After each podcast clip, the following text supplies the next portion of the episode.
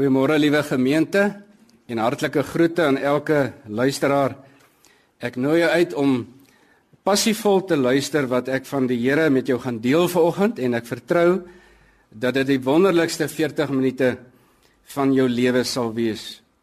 Net om ons gemeente bekend te stel, ons gemeente staan bekend as Klipview Baptiste Kerk en is geleë in Vonwilliglaan op die hoek van Cornelweg in Klipview.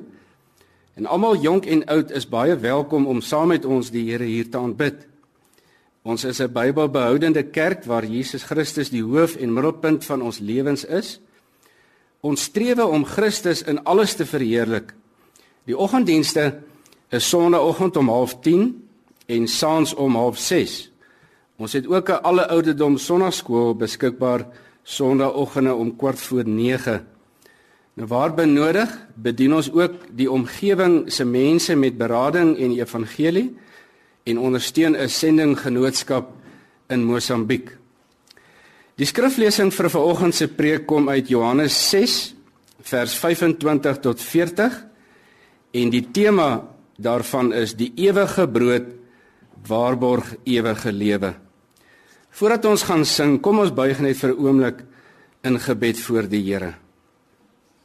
Hemelse Vader, ons kom met verwagting nou na U in die naam van ons verlosser Jesus Christus, ons Here, deur die kragtige inwerking van die Heilige Gees om onsself in ootmoed voor U te werp waar ons U uit ons harte wil verheerlik en lof toebring. Ons vra vir genadige aanvaarding op grond van Christus se posisie as middelaar en vir vergifnis van ons sondes. En Here, as U nie nou U woord aan ons oopbreek en verklaar nie, as U nie die kragtige werking van die Heilige Gees bewerk nie, is alles te vergeefs en kunsmatig aangebied. Kom en verheerlik U seun Jesus Christus tot die vlak wat U dit wil laat plaasvind. Ek vra dit in U wonderbare naam. Amen. Ons gaan nou die welbekende oorwinningslied saam sing.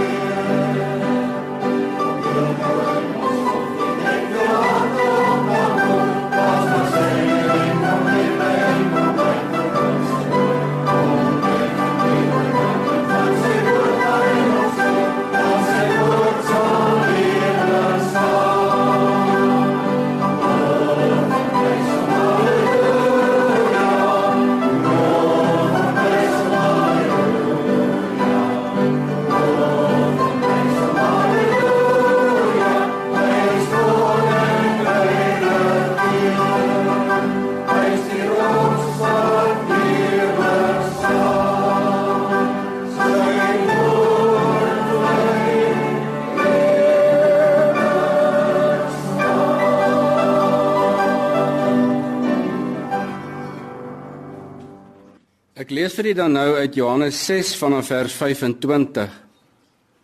En toe hulle hom oor kan die see gevind het, sê hulle vir hom: "Rabbi, wanneer het u hier gekom?" En Jesus antwoord en sê vir hulle: "Voorwaar, voorwaar, ek sê vir julle, julle soek my nie omdat julle tekens gesien het nie, maar omdat julle van die brode geëet en versadig geword het. Moenie werk om die spys wat vergaan nie, maar om die spys wat bly tot in die ewige lewe, wat die seun van die mens julle sal gee, want hom het God die Vader verseël. Toe vra hulle hom: "Wat moet ons doen om die werke van God te volbring?" Jesus antwoord en sê vir hulle: "Dit is die werk van God dat julle in hom glo wat hy gestuur het." En hulle sê vir hom: "Watter teken doen u dan sodat ons kan sien en u glo? Wat werk u? Ons vaders het die manna in die woestyn geëet soos geskrywe is. Hy het brood uit die hemel aan hulle gegee om te eet." En Jesus sê vir hulle: "Voorwaar, voorwaar, ek sê vir julle, dit is nie Moses wat uit die brood van die hemel aan julle gegee het nie, maar my Vader gee julle die ware brood uit die hemel." Want die brood van God is hy wat uit die hemel neerdal en aan die wêreld die lewe gee. Toe sê hulle vir hom: Here, gee ons altyd hierdie brood. En Jesus sê vir hulle: Ek is die brood van die lewe. Wie na my toe kom, sal nooit honger kry nie, en wie in my glo, sal nooit dors kry nie. Maar ek het vir julle gesê dat julle my gesien het en tog glo julle nie. Al wat die Vader my gee sal na my toe kom en ek sal hom wat na my toe kom nooit uitwerp nie. Want ek het uit die hemel neergedaal nie om my wil te doen nie, maar die wil van hom wat my gestuur het. En dit is die wil van die Vader wat my gestuur het, dat al wat hy my gegee het, ek daarvan nie sal verloor nie, maar dit opwek in die laaste dag.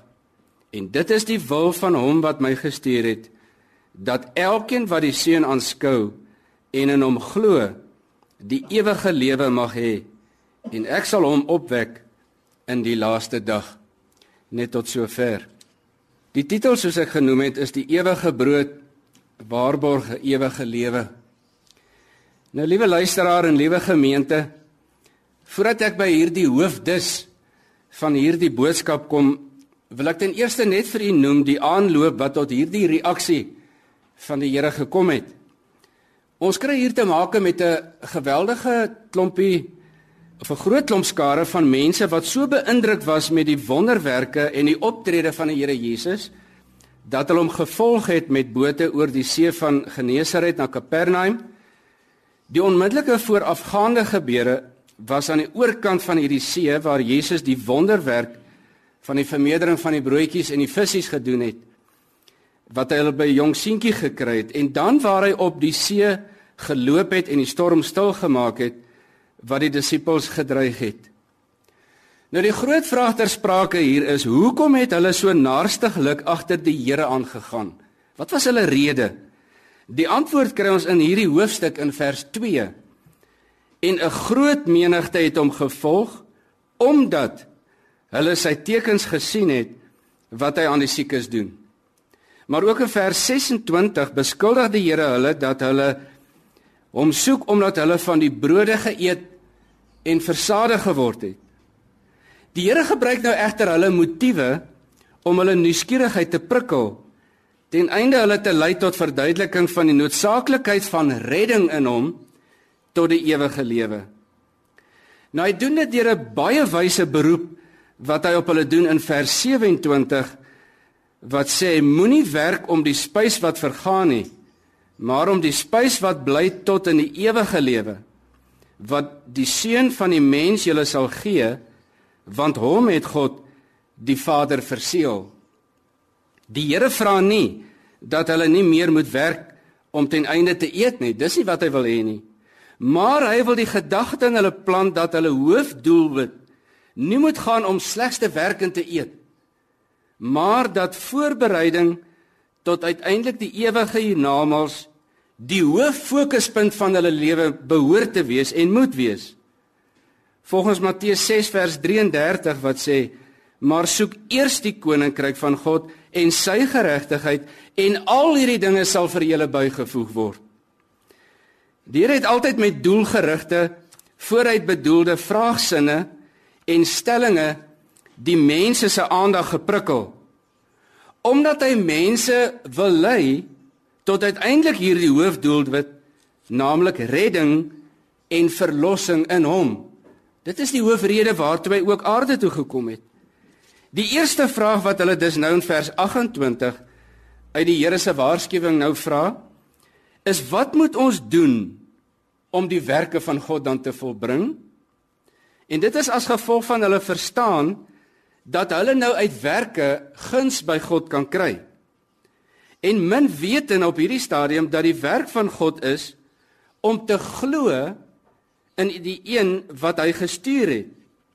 Dit gaan met ander woorde oor geloof. Die Here werk egter nou baie subtiel met hierdie nuuskierige skare. Hy probeer deur hierdie gesprek met hulle hulle aandag af te trek van die fisiese brood. En alwaarin hulle steeds belangstel is hierdie wonderbrood. Veral nou dat die Here hulle gesê het dat hierdie brood is standhoudend tot in die ewige lewe. Wat egter nou vir hulle en vir jou en vir my belangrik is, is Jesus se reaksie op hierdie gesprek wat hulle met hom veral gehad het. Die Here se reaksie is egter baie belangrik omdat dit gebaseer is op hulle verlore toestand. Hulle besef op hierdie stadium nie dat hulle verlore sonder God en sonder hoop op pad hel toe is nie. Die Here het hier gepraat van 'n gawe, 'n geskenk. Indien werke gevra sou word vir saligheid, sou dit eintlik as beloning ontvang geword het. Maar kom ek stel dit so. Dit is nie oor wat ek vir God kan doen om my saligheid te kan kry nie. Maar eerder wat hy alreeds vir my gedoen het ten opsigte van my saligheid. Hulle belangstelling is so gefokus op aardshede dat hulle God se genade miskyk. Kom ek lees weer vers 29. Jesus antwoord en sê vir hulle: Dit is die werk van God dat julle in hom glo wat hy gestuur het. Die werk van God is dus geloof in hom. Handelinge 16 vers 31 sê: Glo in die Here Jesus Christus en jy sal gered word jy en jou huisgesin. Wat God dus van jou verlang is hou op om te probeer om hom te beïndruk met goeie werke vir jou redding en gee jouself eenvoudig oor in sy hande. Maar nou sien ons vanaf vers 31 hoe dat hulle begrip so beperk is tot die geskiedenis rakende die Here se wonderwerkende voorsienigheid van manna aan Israel in die woestyn dat hulle die eer aan Moses self toedig. Maar die Here gee vir hulle iets om oor te gaan nadink.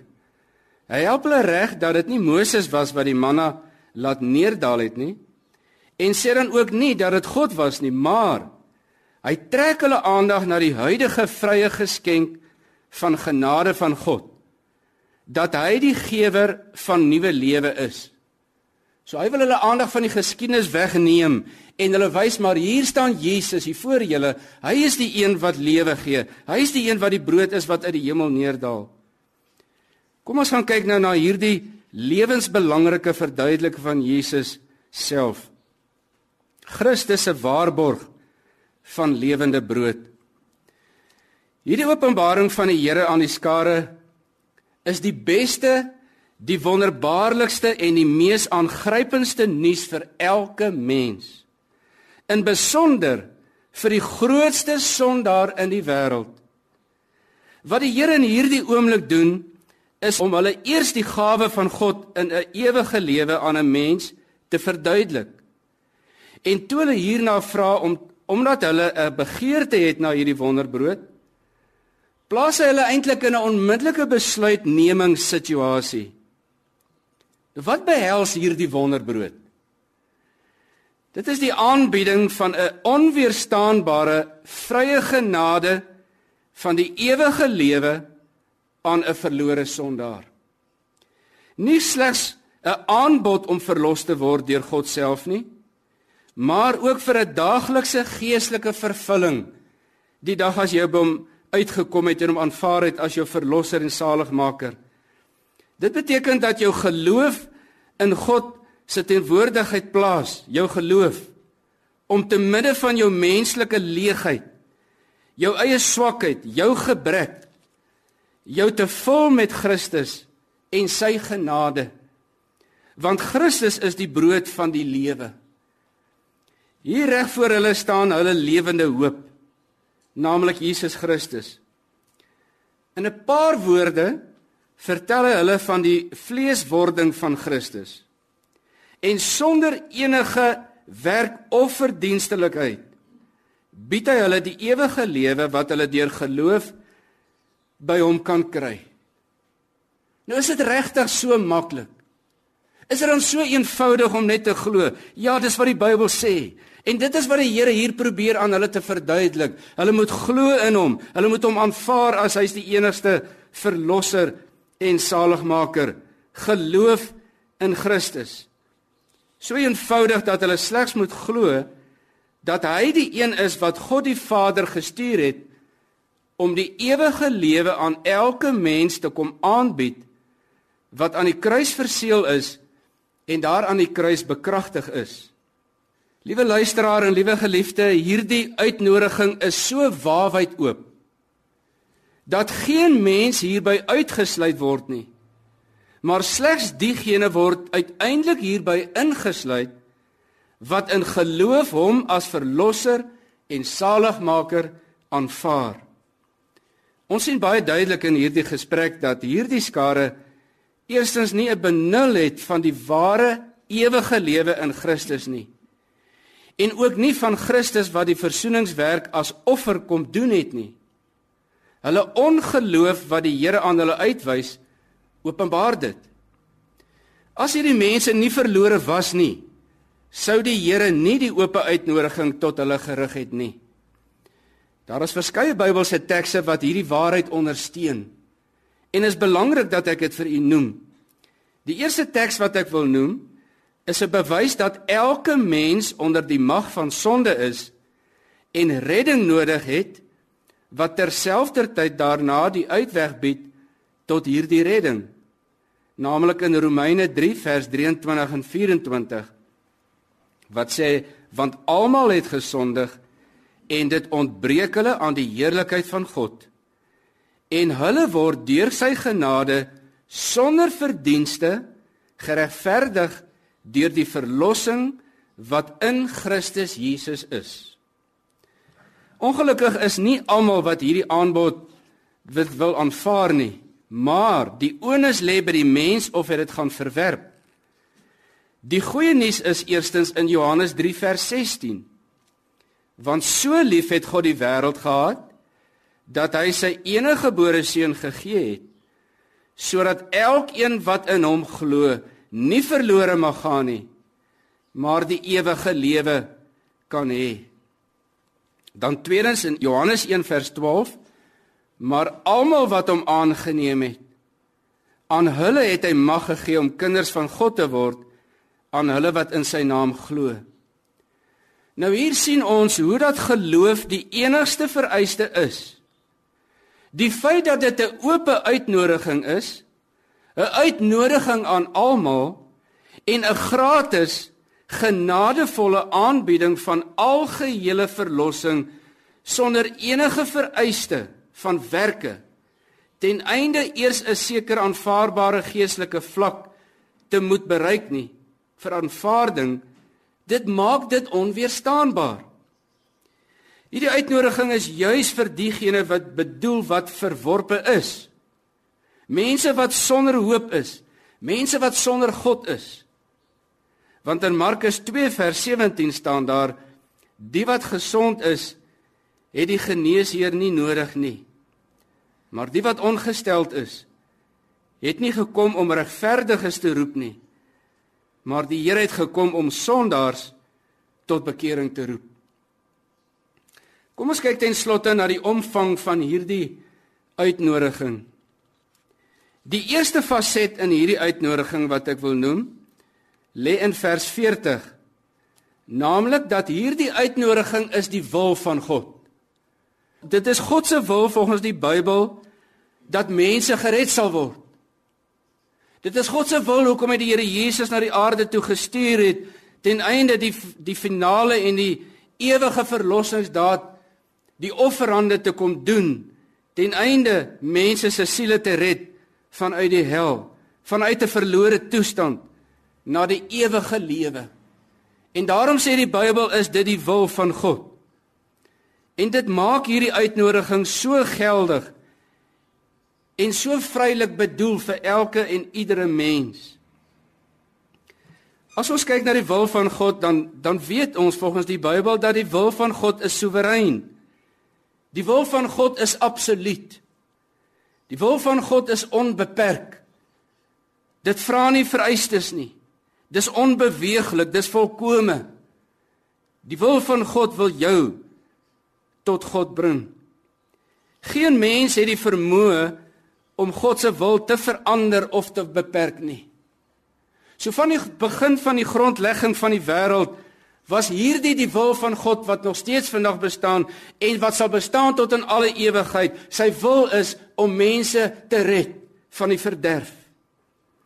Nou God se wil is so sterk dat hy vasbeslote is om jou verlossing end uit te bewaar. En daarom waarborg hy jou die ewige lewe indien jy na hom toe kom.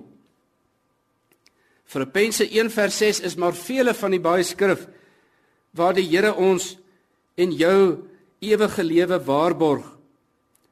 Dit skryf daar hy wat 'n goeie werk in julle begin het, dit sal volëindig tot op die dag van Jesus Christus. God sal nooit die werke van sy hand laat vaar nie. Sy waarborg of sy sekuriteit van die ewige lewe wat hy bied as 'n mens na hom toe kom is so vas want hy self doen die werk. As 'n mens die werk sou gedoen het, as ons deur ons verdienste na die Here toe sou moes kom, dan was ons verdienste gebrekkig gewees en ons sou nooit die paal gehaal het nie en dit sou ons nie kon gewaarborg het van 'n ewige lewe nie maar nou omdat dit God se werk is dis sy wil gee hy die waarborg dat hy dit end uit sal bewaar. En hy skenk ons die wedergeboorte deur geloof in hom dat hy self die verantwoordelikheid op hom neem want hy bewerk jou redding. Nou wedergeboorte Die term wat die Bybel gebruik is hierdie werk wat God innerlik in die persoon doen daardie oomblik wanneer jy by die kruis kom kniel met jou sondelas en hom as jou persoonlike verlosser en saligmaker daar aanvaar. Wedergeboorte soos wat die Here dit in Johannes 3 aan Nikodemus verduidelik is soos 'n koringkorrel wat eers in die grond geplant word voordat dit 'n nuwe plant vorm en die saadkorrel as ware wegsterf en 'n nuwe plant groei en dra vrug. Wedergeboorte is daardie reddings- en verlossingswerk wat God alleen kan doen vir elke sondaar wat na hom toe vlug. Dit is 'n geestelike interne sielsverandering waar God jou ou verwerplike jou ou sondige lewe wegwerp en dit verruil met 'n witgewaste nuwe lewe waarin die ewigheid gewaarborg word. Hy maak van jou met ander woorde 'n nuwe mens met 'n nuwe uitkyk, met 'n nuwe hoop, met 'n vaste hoop. Geliefdes, godsdiens red niemand nie. 'n Goeie lewe red niemand nie.